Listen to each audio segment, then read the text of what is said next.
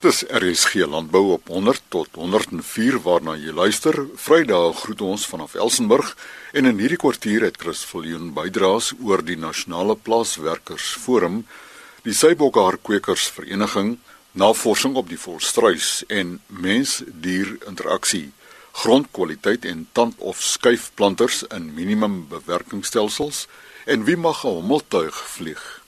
Rita Andreas is die woordvoerder van die Nasionale Plaaswerkersforum en sy gesels vanoggend vanuit haar motor met ons.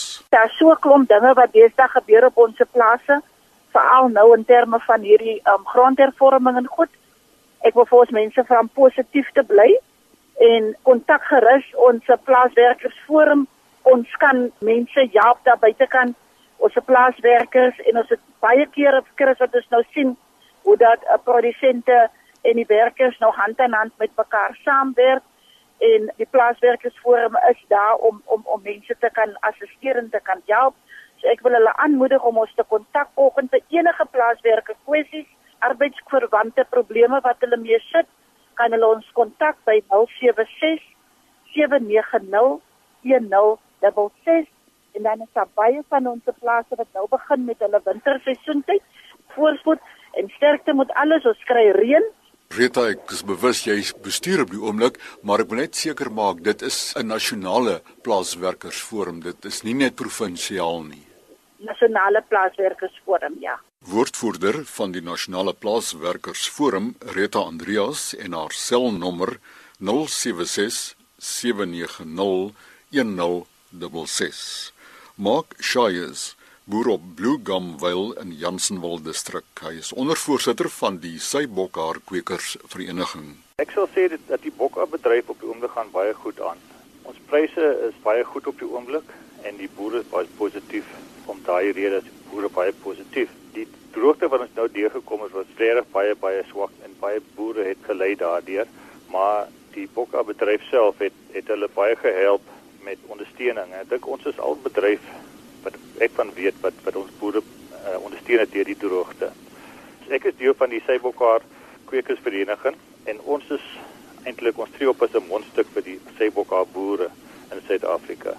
Een van die groot dinge wat ons moet probeer doen vir ons boere is kyk dat hulle volhoubaar boer en die rede daarvoor is dat meeste van ons bokhaar word oor see verkoop en die mense wat wat jare koop self is nou baie groen daarso en en hulle hulle wil hê dat ons moet volhoubaar boer.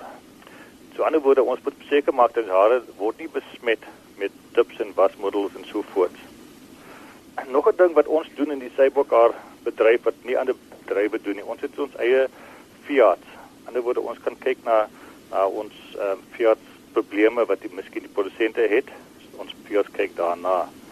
Ons het ook spesiale projekte as daar 'n bietjie geld of ekstra fondse beskikbaar is deur die bedryf, het ons spesiale projekte wat ons vir die produsente doen. Hierdie laaste ding was droogte help wat baie gehelp het vir die boere, maar daar was klomp ander projekte wat ons deur die jare vir hulle gedoen het. Ons het ons eie Sybokhaar plaaswerkers vereniging.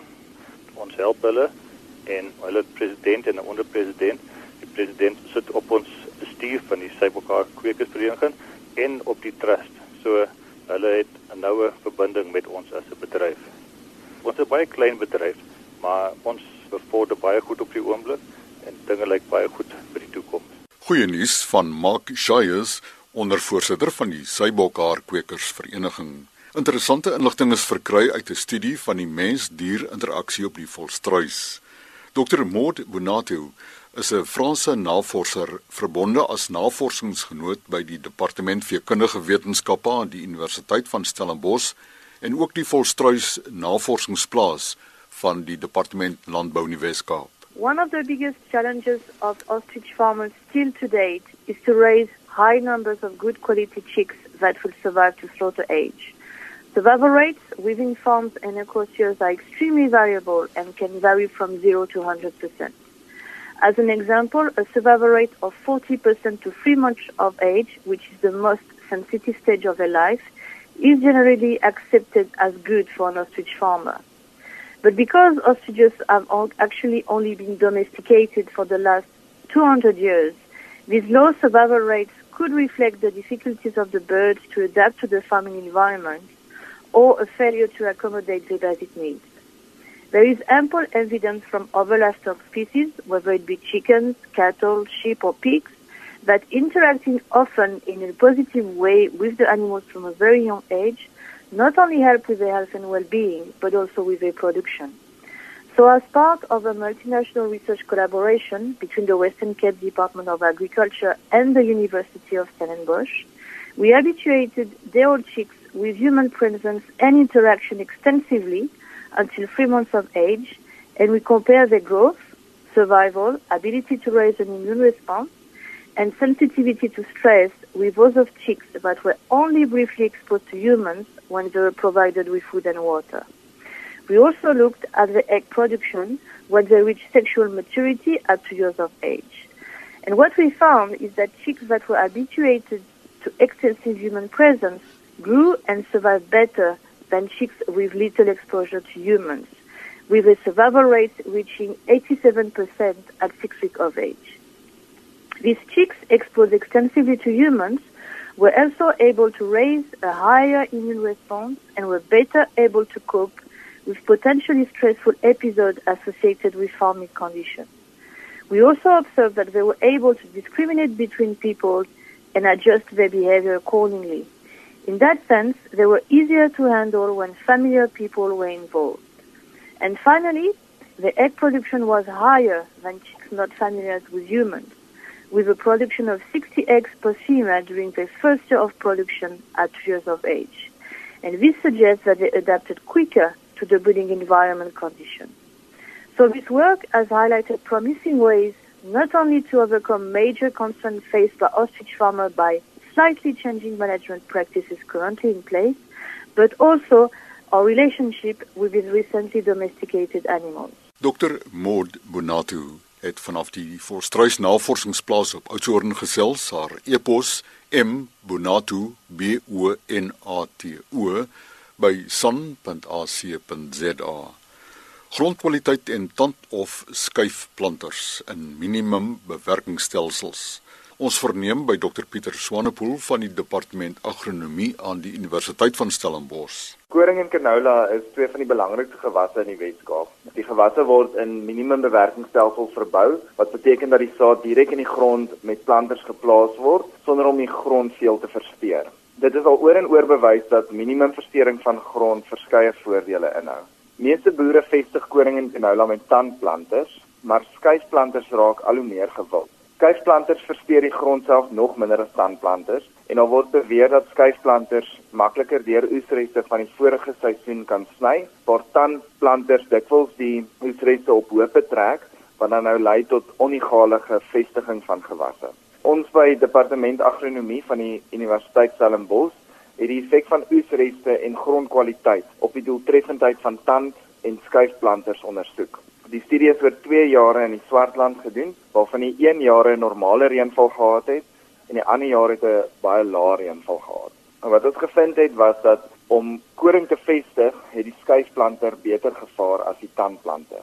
Dis nou as ons nou kyk in terme van plantpopulasie, hoeveel plante per vierkante meter gevestig het. As ons na koringopbrengs kyk, was die effek van grondkwaliteit baie belangrik in beter, gesonder gronde het die tand- en skuifplanters ewe goed presteer, maar in swak gronde het skuifplanters 'n hoër opbrengs tot gevolg gehad. Die belangrikste faktor is dit vir boere om te verseker dat grondkwaliteit opgebou word, want dan maak dit nie saak watter tipe planter mens gebruik om koring te vestig nie. Oesreste het egter geen positiewe of negatiewe effek op koringproduksie tot gevolg gehad nie. Vir canola was dit egter 'n ander saak. Canola het swakker gevestig waar daar meer oesreste was en ook wanneer dit met 'n skuifplanter gevestig was. Dit was ten minste die geval vir die normale reënvaljaar. In die droë reënvaljaar het ons nie enige verskille gesien nie. 'n Tandplanter sal dus vir die vestiging van canola aanbeveel word. Alhoewel oesreste baie voordele inhou om grond te beskerm, lê daar maar nog uitdagings vir boere om canola te vestig waar daar baie oesreste is.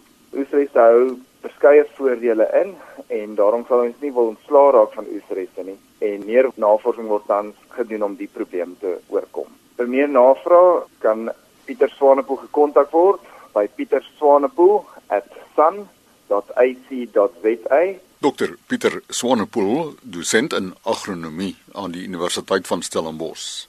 Hommeltuie, hoe en waar leer ek?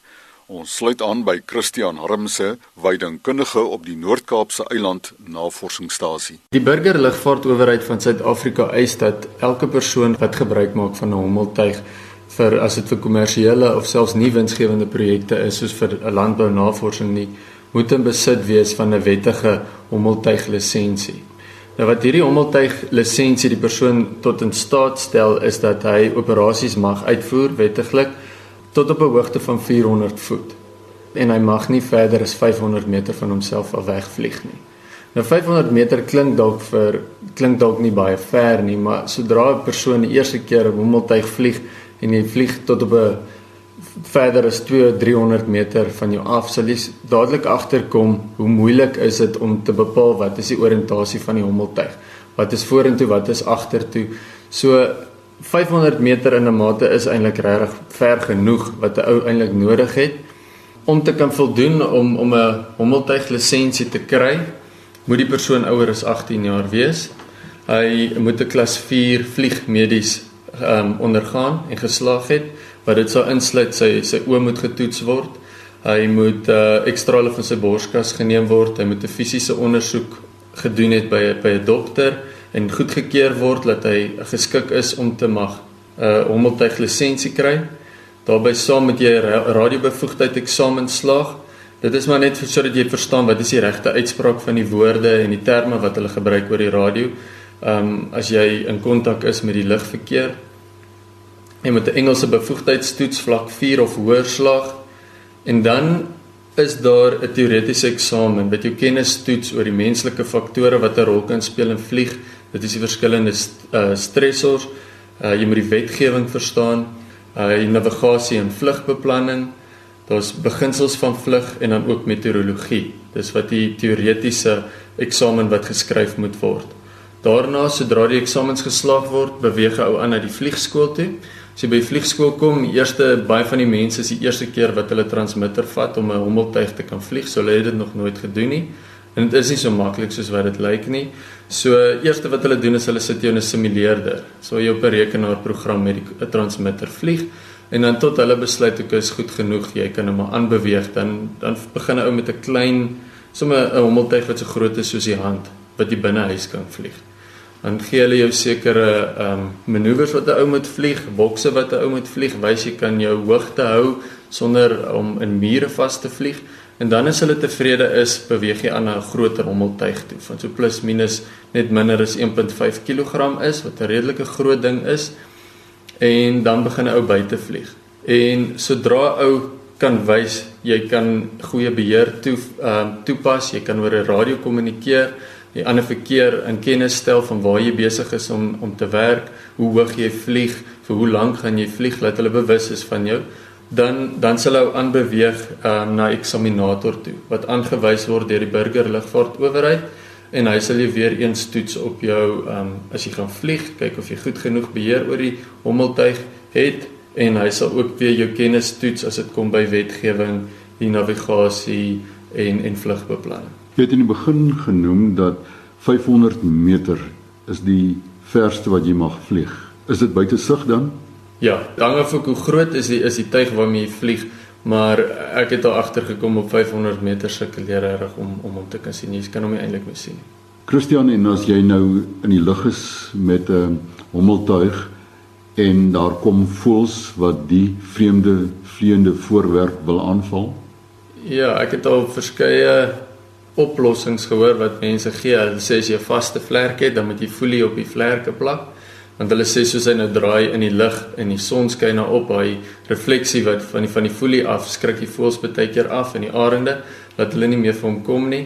Soos die ommeltuig wat ons het het verskeie bewegings wat hy uitvoer in so 'n situasie. So jy kan vir hom sê hy moet baie vinnig klim sê 30 of 50 meter klim dadelik of val 50 meter of wat hy selfs doen is hy spin in die ronde om so te probeer die um arend af te sit dat hy nie meer agter hom aankom nie. Van die eiland navorsingsstasie op Appington het gesels weidingkundige Christian Harmse. Dan in RSG Landbou môreoggend om kort voor 12 die waterenergie voedsel Nexus Namens Elsenburg groete van Chris Viljoen.